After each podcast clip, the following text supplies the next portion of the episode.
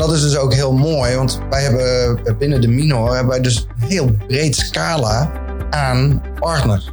Dus we hebben hele technische partners, we hebben accountancy partners, we hebben sportpartners, we hebben revalidatiepartners, we hebben grote bedrijven, maar ook eh, eenmanszaken die meedoen. Zo eigenlijk het hele palet te kunnen tonen aan een waar die zich later in zou kunnen bevinden.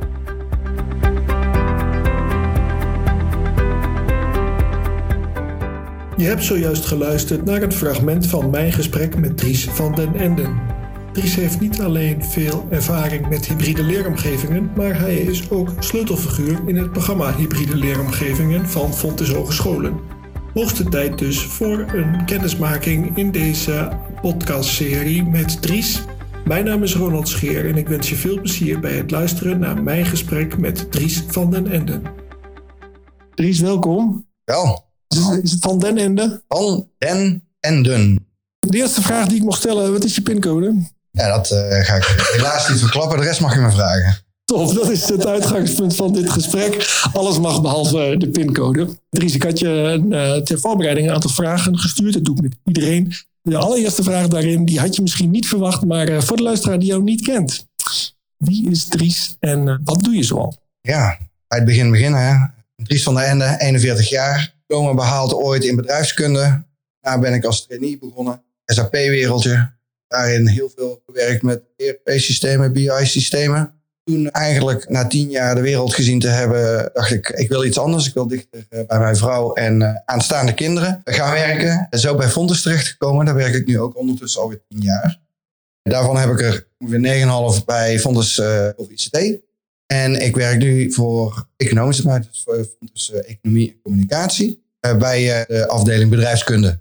Dat is in een notendop. Verder heb ik ongeveer vijf jaar geleden heb ik een start gemaakt met ja, wat nu hybride, een hybride leeromgeving heet. Data Driven Business Lab. Heel veel in gepioneerd. Destijds waren er gewoon simpelweg niet zoveel voorbeelden. Een hele succesvolle minor geworden.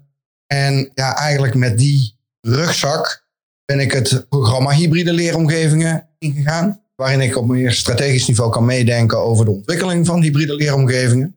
En dat is ook een van de redenen waarom ik uh, bij ICT, van ICT naar het economisch domein ben gegaan. Want daar is de ontwikkeling van ja, hybride leeromgevingen nog uh, pril, om het zo maar te zeggen. Daar zijn ze volop in beweging. En daar kan ik mijn uh, kennis en kunde hopelijk inzetten. Heel goed, heel goed. Een mooie, mooie bevlogen introductie, mooi, mooi bevlogen verhaal. Een van de vragen die in mij, in mij opborrelt, al die kennis en ervaring vanuit het bedrijfsleven die, die je daar hebt opgedaan, helpt jou dat nog steeds bij dat je nu vanuit een schoolinstelling werkt, maar ook na de veel met bedrijven contact hebt, helpt die kennis en ervaring jou nog steeds? Ja, ik denk niet dat je ervaring. Dat een ervaring er niet toe doet. Hè? Dus ik denk dat alle ervaring uh, in je rugzak zit om daar later ook iets mee te gaan ontplooien. Of ik daar dan heel bewust mee bezig ben uh, iedere dag van, oeh, dit heb ik echt opgedaan in het bedrijfsleven, dat zet ik zo in. Nee, maar ik denk dat een aantal vaardigheden, hè, ik heb in de consultancy gezeten, dus het, het denken in projecten en het denken in matrixstructuur en aan verschillende trajecten tegelijkertijd bezig zijn. Ja, ik denk dat dat vaardigheden zijn die er in mijn carrière zijn ingeslopen en die ik dus hier dus ook heel graag nog steeds ontplooi. En dat maakt mij misschien wat een ondernemende docent. Ik ben ook niet echt aan één plek gebonden. Ik doe twee dagen in de week het programma Hybride Leeromgeving. Ik zit één dag in de week nu nog bij Data Driven Business Lab. En straks bij uh, de hybride leeromgeving voor digitale transformatie. En ik ben nog gewoon docent. Dus ik hou mij wel bezig. Aan mij de taak om alles wat je zojuist in sneltreinvaart hebt uh, genoemd, om daar nog eens uh, op terug te komen en uh, daarop door te vragen. Bijvoorbeeld dat Data Driven Business Lab, erg interessant. Ook die nieuwe hybride leeromgeving over digitale transformatie. Voordat we dat doen, vind ik het wel aardig om even stil te staan bij het feit dat jij ook graag je kennis deelt belangrijk onderdeel van het hele hybride concept. En een van de manieren waarop je je kennis deelt, is dat je veel blogt. Dat is een reden hoe wij elkaar voor het eerst hebben ontmoet. Omdat ik zag, jij bent ook aan het bloggen. En uh, dan lees je elkaars verhalen. En toen dacht ik, hé, hey, dat is wel een interessante, interessante figuur. En nu staan we hier samen. En dat is natuurlijk superleuk. Kun je daar eens wat over vertellen waarom je het doet en hoe je het doet en hoe dat gaat? Ja, ja bij mij is bloggen eigenlijk pas uh, vrij laat ontstaan ik heb onlangs, ja, dat is uh, door coronatijd een soort van uh, geworden, maar een jaar geleden in januari heb ik eh, mijn master Imagineering afgesloten. Het is super interessante master, maar daar is voor mij eigenlijk schrijven naar de voorgrond komen als een, ja, een extra vehikel zeg maar, om mijn kennis te delen. Hè, waarin de podcast ook een superleuk uh, middel is. Hè? Dus, uh, en ik denk dat hè, wie schrijft, die blijft. Zo is het misschien ook. En het heeft me al wat leuke gesprekken. Nou, dit ook weer opgeleverd. Dus uiteindelijk hoogt dat het enthousiasme. Dat op het moment dat je gaat delen. Anders blijft het ja, bij jou of misschien bij je projectgroep. Maar op het moment dat je het wereldkundig maakt, stel dat anderen in staat om samen met jou in, in dialoog te gaan. Hè? Dus te communiceren. En ja, die toevalligheid, ja, noem het maar een toevalligheid. Want ja, eh, de, uiteindelijk dwing je die toevalligheid ook wel een soort van af. Maar die toevalligheid zorgt dus eigenlijk weer voor nu weer samen leren. Dus wij kunnen nu ook op dit moment ja, kennis met elkaar delen. Zeker, zeker. dus zo is bloggen bij mij ontstaan. Nou ben ik niet een uh, klassieke docent die heel graag mijn kennis deelt. Maar ik, ik, ik, help wel heel graag studenten in de manier waarop zij kennis verwerven. Dus daarin coach ik ze heel graag in. Kom je nou tot een goede bron? Hoe weet je nu dat het een goede bron is? Uh, hoe staaf je nu aan de buitenwereld? Hoe maak je dat? Uh, hoe assimileer je kennis? Of hoe synthetiseer je kennis nu tot een nieuw begrip? En hoe zorg je dan dat iemand anders dat gaat begrijpen? Want ik ben heel erg van het sociaal leren, het sociaal constructivisme, zoals dat soms uh, volksmond even heet. Dat alleen in dit gesprek zijn wij in staat om samen eigenlijk de kennis die wij hebben opgedaan ook weer uh, kenbaar te maken en begrijpelijk te maken naar een ander. Ja, dat klopt. Heel kort, die master. Ja. Welke voor master? Engineering. En bij welke opleiding heb je dat? Dat is bij de BUAS, Breda University of Applied Sciences, een master. En ja, Imagineering is eigenlijk imagination en engineering combineerd. Dus uh, lang, lang geleden ontstaan bij een uh, aluminiumfabriek. Maar Disney heeft dit concept heel hard, heel snel overgenomen. En uh, bij Disney werken dus Imagineers die proberen de fantasie tastbaar te maken. Dus je een beleving te geven. misschien ook al ooit opgelet bij de Efteling.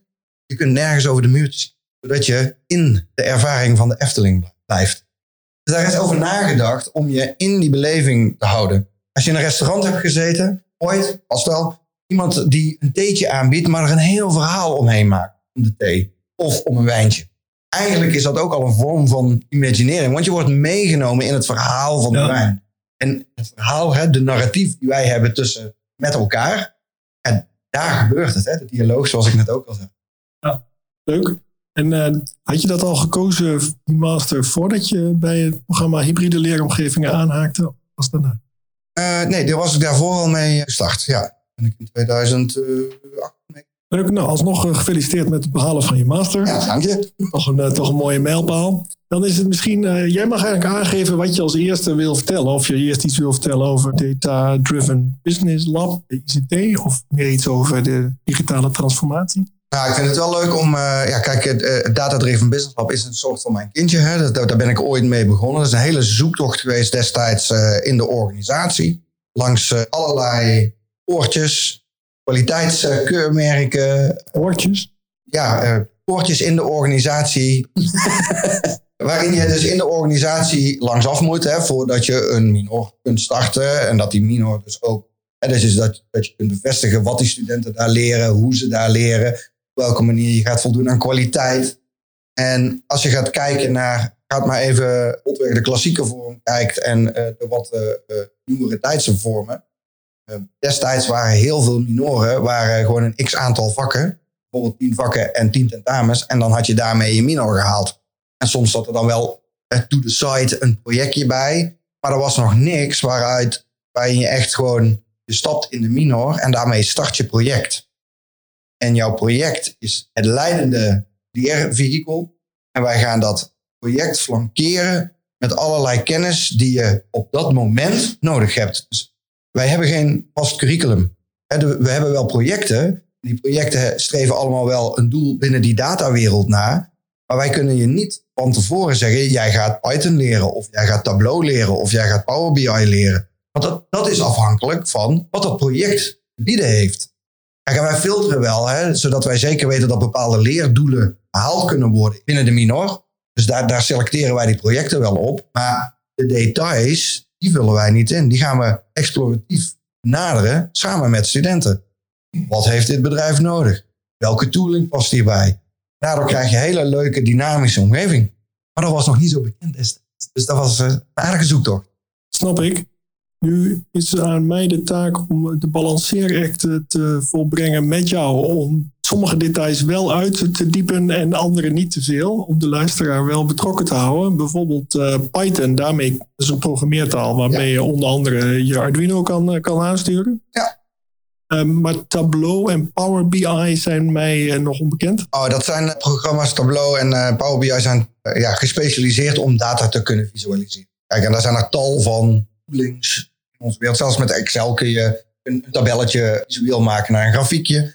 Maar Tableau is daar veel meer en Power BI zijn veel meer voor bedrijfsleven geschikt. Dus uh, ja, en zo zijn er dus tal. Maar we moeten dus met, om dezelfde balanceeract te doen, ook met studenten. Hè. De Data Driven Business Lab is toegankelijk voor alle studenten vanuit de hele wereld. Dus ik krijg economische studenten en ICT-studenten, om het zo maar te zeggen.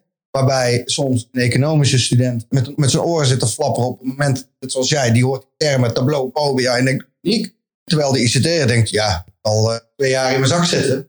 En om daar ook weer elkaar te kunnen gaan leren en elkaar kennis te laten maken in het midden van dat project, hè, in, het, in het midden van kennis. Zij kunnen dus ook elkaar nu gaan leren.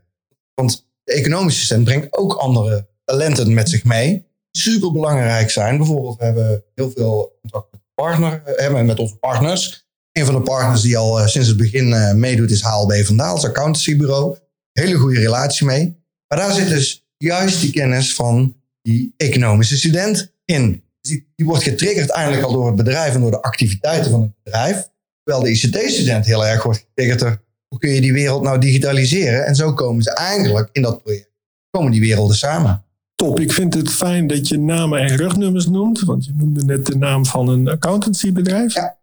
Um, een van de projecten, hoe ik uh, deze Minor op het spoor kwam, Minor Data Driven Business Lab, um, is via de Fitbox, of de Fitbox To Go, ja. die je in Eindhoven met een revalidatiecentrum hebt ontwikkeld om ofwel ouderen of mensen die geblesseerd zijn, toch fit te houden. Misschien kun je daar iets over vertellen? Ja, eigenlijk uh, is dat ja, is nog een extra samenwerking. Ook uh, met, uh, met uh, Fontes Venlo. Die hadden service management minor. En wij hadden dan de data minor. En het revalidatiecentrum had Fitbox die ze als een service op de markt wilden gaan brengen. Maar daar zaten nog wel een hoop technische vraagstukken omheen. Nou, en dat vraagstuk zijn we eigenlijk in gezamenlijkheid aangegaan. Er zijn zelfs nog studenten bewegingskunde vanuit de universiteit bij aangehaakt. En ja, zo zijn we met uh, twee, drie iteraties hebben we elkaar ondersteund om, ja, zeg maar, die Fitbox, wat toen nog een idee was, hè, een, model, om daar maar, een volgende generatie van klaar te zetten. Dus ja, dan werk je allemaal binnen je talenten, maar wel op hele andere uh, vlakken. Dat is nou net zo'n project waarbij je kan zeggen, data is overal. Zelfs in de revalidatiecentra is data van, hè, dat is dan vanuit de Mino van mij van belang je ziet het dat het hier is. En dat is dus ook heel mooi, want wij hebben binnen de Minor hebben wij dus een heel breed scala aan partners. Dus we hebben hele technische partners, we hebben accountancy partners, we hebben sportpartners, we hebben revalidatiepartners, we hebben grote bedrijven, maar ook eh, eenmanszaken die meedoen. Om zo eindelijk het hele palet te kunnen tonen aan een student, waar hij zich in kan, later in zou kunnen bevinden. Um, wat was ook alweer de naam van dat revalidatiecentrum? Interessant aan die Fitbox als laatste opmerking is dat uh, volgens mij waren er ook wat engineeringstudenten bij betrokken, want die gingen daar sensoren aan hangen, zodat je ja. kon meten hoe vaak een bepaalde, hoe vaak iets was opgepakt en weer terug was gezet, bijvoorbeeld een halter. Ja, dat is goed dat je dat zegt. Was me eigenlijk alweer ontschoten. Want dus inderdaad, naast de service management groep uit Venlo, heeft ook Mechatronica uh, nog een hand gehad met name in het uh, mechanische gedeelte van die vetbox. Klopt, ja. ja. Oh, dank je voor de verversing van mijn geheugen. Ja, graag gedaan. Dadelijk kunnen we zeker stilstaan bij nieuwe werkzaamheden op het gebied van digitale transformatie. Maar ik wil ook graag eh, een paar minuten tijd nemen om eigenlijk meer van bovenaf te gaan kijken naar die hybride leeromgevingen. Omdat we net in detail hebben gekeken van hoe gaat het dan met die studenten en met welke partijen werk je samen. Studenten komen erop af. Misschien is het aardig om een, van bovenaf proberen te kijken. Wat zijn nou de, de trends die je ziet of de tendens of wat zijn de basisregels die als iemand hiermee aan de slag wil, als, als iemand zelf een hybride leeromgeving wil opstellen, waar moet hij dan aan denken? Volgens mij zijn jullie ook bezig vanuit het programma met een raamwerk. Dat hoeven we niet in, in, detail te, te bespreken, maar dat gaat wel handjes en voetjes geven aan mensen die ermee aan de slag willen. Ja, nou ja, misschien moet ik dan uh, beginnen in de verschijningsvorm hè, van uh, hybride leeromgevingen. Want er is geen, je kunt niet zeggen, dat is echt de ultieme hybride leeromgeving. Want het is heel specifiek en is heel onderwijsafhankelijk. Hè? Dus het is afhankelijk in het doel wat je wilt bereiken, samen met de student en het werkveld en, het en, het, en onderzoekers. En dus, dus eigenlijk typeert dat hybride leeromgeving als eerste. Het is een ecosysteem. Je gaat samenwerken op een soort van gelijkwaardig niveau tussen docenten, vaak ook in context coaches genoemd, het werkveld, vaak in die context partners genoemd, onderzoekers en studenten voor verschillende niveaus en ook van verschillende studierichtingen in zo'n omgeving kunnen acteren. En dus, dus dat is een beetje een, een soort van brede blik waarvanuit je kunt beginnen. En dan denk ik dat je uh, het, spectrum kunt bekijken. Van aan de ene kant het naar school halen van het werkveld. Hè, dus echt nog wel in die schoolse setting zitten. Veel veiligheid kunnen bieden. Maar wel echt in het schoolgebouw of uh, met een deelproject werken. Dus dat is al een hybridisering. En aan de andere kant heb je misschien wat pad geslagen de stages en het afstuderen, wat je eigenlijk ook al kunt zien als een hybride werkvorm. Natuurlijk vergt het iets meer dynamiek dan de stage op, eh, zoals je dat op dit moment wellicht kent, omdat je daar iets meer samenwerking zoekt, maar om het beeld helder te scheppen. En eigenlijk kun je vanuit die twee posities, hè, dus vanuit die schoolse kant en vanuit dat werkveld, kun je langzaam naar binnen lopen, waarin je steeds een verder gevorderde stadia bereikt van hybridisering. Totdat je eigenlijk een soort samensmelting wordt, waar je eigenlijk niet eens weet wie is nu de docent, wie is nu de werkveld, wie is nu de student en wie is de onderzoeker. Want we doen dit helemaal samen. Maar goed, welke positie je daarin kiest, hè, daar helpt het raamwerk bijvoorbeeld in, wat we nu hebben gemaakt. Dat is wel afhankelijk van welk onderwijs wil je dienen.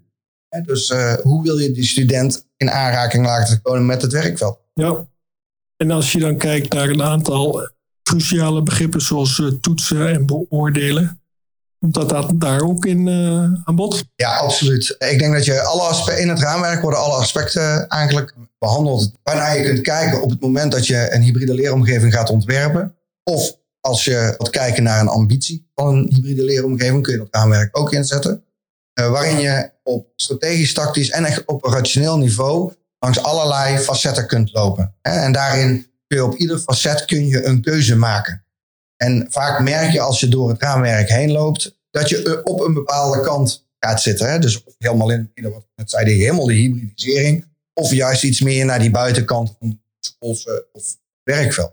Toetsing, beoordelen, waarderen. Dat beginnen allemaal fluïde begrippen te worden. Ik denk dat, daar, eh, dat we daar met z'n allen, eh, als we dat gaan inzetten op het moment dat je met een hybride leeromgeving start, we elkaar daar ook weer wijzer in kunnen maken. Hoe werkt dit nu echt in de praktijk? Ja. Want het is natuurlijk nu nog een relatief theoretisch raamwerk. Ja. mooi is dat om dat mooie praktijk te kunnen vullen. Um, dit roept bij mij twee aspecten op die ik graag in dit vervolggesprek nog wil benoemen. En dat is één, natuurlijk dat je vertelt wat je doet bij dat digitale transformatie, maar ook wat doen we vanuit het programma om deze kennis te delen. Want je hebt heel duidelijke visie bij een digitaal trefpunt. Ik vind dat toch belangrijk dat het is nu nog niet klaar, klaar, maar hè, dit is, uh, je bent er wel heel hard mee aan het werken. En ik denk ook als het ons lukt, dan hebben we ook echt een heel mooi, uh, ja, noem het platform om uh, te gaan communiceren in de Fontes en ver daarbuiten. Je mag daarin zelf aangeven wat je het liefst als eerste gaat. Ja, nou, de trefpunten, nou, dat is wel treffend. ja, ik denk, hè, als je gaat kijken, ik, ik zei net ook al, in die hybride leeromgeving ga je opereren als een netwerk, opereren als een ecosysteem. En eigenlijk kunnen wij ook Fontes, Groot Fontes zien als een ecosysteem van allerlei leergemeenschappen hè, die zich specialiseren op een bepaalde leerroute. En ik denk dat een platform wat dienend kan zijn aan die leergemeenschappen.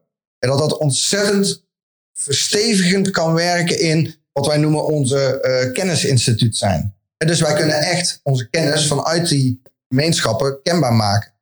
Waarin denk ik er een rol weggelegd is voor hybride leeromgevingen.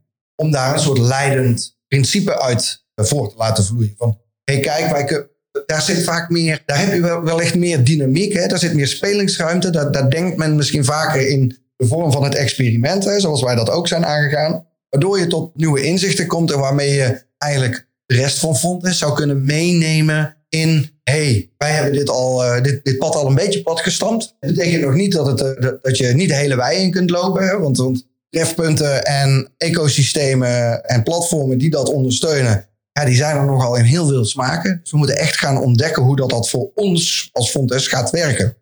Dus daar ligt nog een hele uitdaging om dat digitaal vorm te geven. Ja, je zegt het is wij Fontes, maar het is vooral ook uh, met hele ecosystemen rondom Fontes, toch? Dus het is de bedoeling om die kennis ook te delen. Absoluut. Ja, je wilt daar niet, niet e- exclusief zijn. Daarom noem ik het ook ecosysteem. En je moet ergens ook beginnen. Dus uh, om uh, meteen als heel Fontes en heel de partners en de hele society die wij, waar wij impact op willen maken, om die in één keer in zo'n systeem te zetten, is natuurlijk vrij groot en onoverzichtelijk. Dus als je begint met de hybride leeromgevingen, de partners waarmee je daar samenwerkt, de resultaten die je daar met elkaar kunt delen, de wijze waarop je elkaar kunt aanhaken op projecten of over projecten heen. En dat zijn allemaal mogelijkheden die binnen zo'n platform hopelijk vormgegeven kunnen gaan worden. Ja, voordat we verder gaan, is het misschien leuk om voor de luisteraar die nu al graag contact met jou zoekt en of met het programma Hybride Leeromgevingen, uh, zolang het digitale trefpunt niet klaar is, waar, waar kunnen ze nu dan contact uh, met, met ons gaan? Nou, uh, je kunt sowieso altijd contact opnemen met mij direct bij d.vandenenden fontes.nl. Stuur gerust een mailtje. En voor mensen buiten Fontes?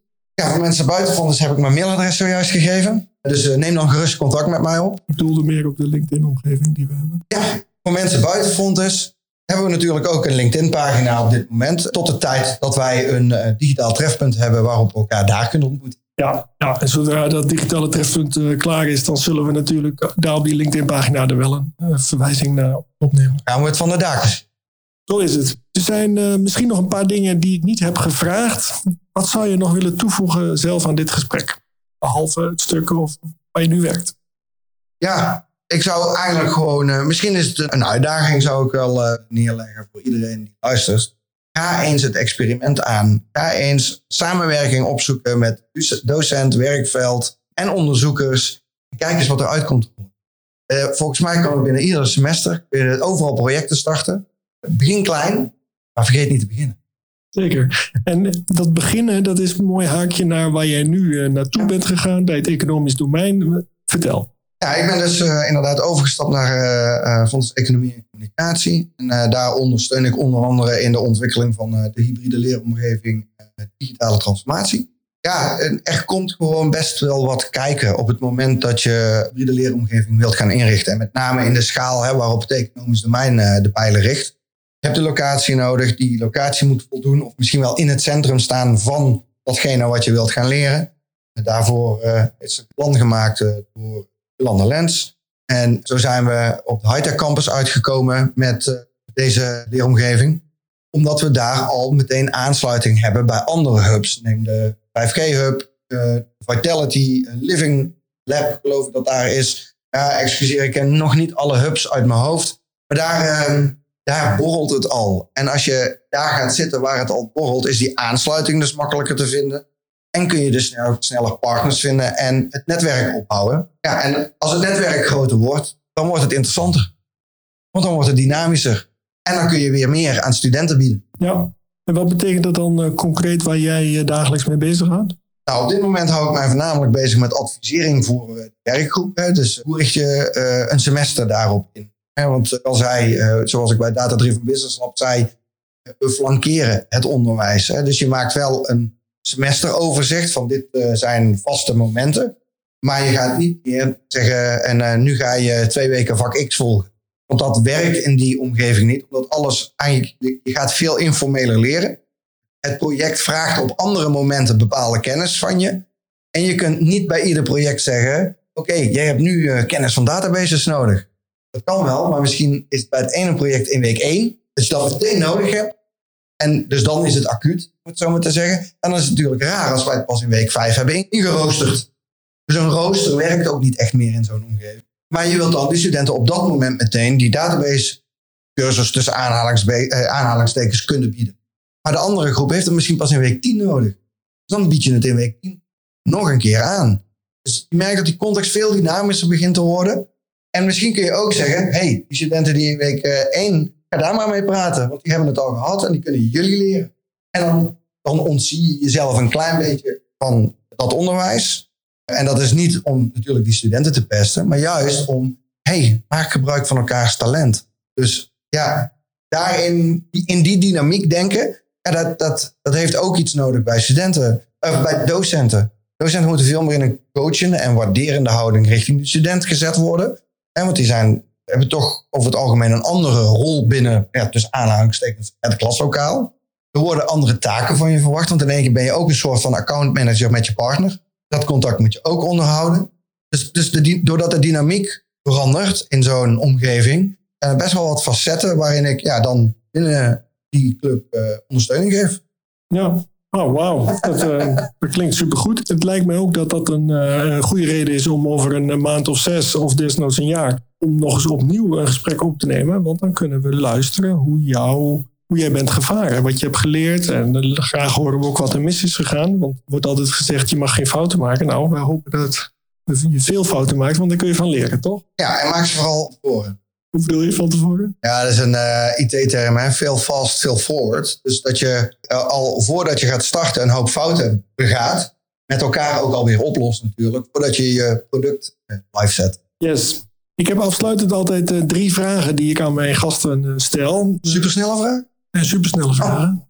Oh. Je mag ze toelichten. Een van de vragen die ik altijd stel is: welk boek heb jij recent gelezen wat jouw denken en handelen heeft beïnvloed? Het uh, meest recente boek wat ik heb gelezen, of wat ik nu eigenlijk aan het lezen ben, is uh, Een leven lang kiezen van Eveline Meens. Ja, dat is eigenlijk een boek wat uh, verrijking is op de coachingspraktijk. en toch, als ik over afgelopen jaar moet zeggen, of jaren, het boek wat mij het meest geraakt heeft en echt tot verandering heeft doen inzien, is het boek Reinventing Organizations van Frédéric Laloux. Die een ontzettend mooie kijk geeft over de breakthrough scenario's. Dus op wat voor punten moet je als organisatie op een gegeven moment een, een extra slag maken om naar een volgend niveau van volwassenheid te kunnen gaan. Dat is echt uh, een enorme aanrader. Ik denk bijna voor ieder, uh, iedereen die iets met een klein bedrijfskundig vinkje achter zijn naam heeft. Daar gewoon aan zien. Oh, wauw. Dus uh, we krijgen niet één tip, maar meteen twee. Super tof. Leuk. Andere vraag die ik altijd stel is: uh, welke podcastseries luister jij zo?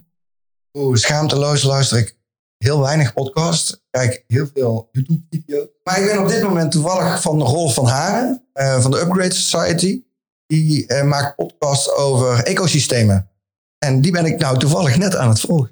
Ja, dus dat is, dat is, dat is eigenlijk mijn ontgroening in podcastland. Top, klinkt goed. Andere vraag die ik altijd stel is: als we het hebben over het onderwerp hybride leeromgevingen en deze podcastserie. Naar wie zou jij graag eens willen luisteren als volgende gast in deze podcastserie? Ja, ik ben dan uh, altijd van. Uh, ik, ik merk heel veel verhalen van bottom-up, die hoor ik, hè, dus vanaf de, vanaf de operatie. Dus ik zou eigenlijk wel eens iemand uit het bestuur willen die een, een, een visieblik geeft op uh, hybride leren. En ja, wie daar de aangewezen persoon voor is, dat, ja, dat dat tast ik zelf ook nog een beetje in het Duits. En bij bestuur bedoel je het bestuur van jouw instituut of bedoel je het college van bestuur? Ik bedoel het college van Want ik denk dat als je echt van vorm wilt veranderen als onderwijsinstelling, dan ligt daar ook een bestuurlijke vormsverandering aan ten grondslag.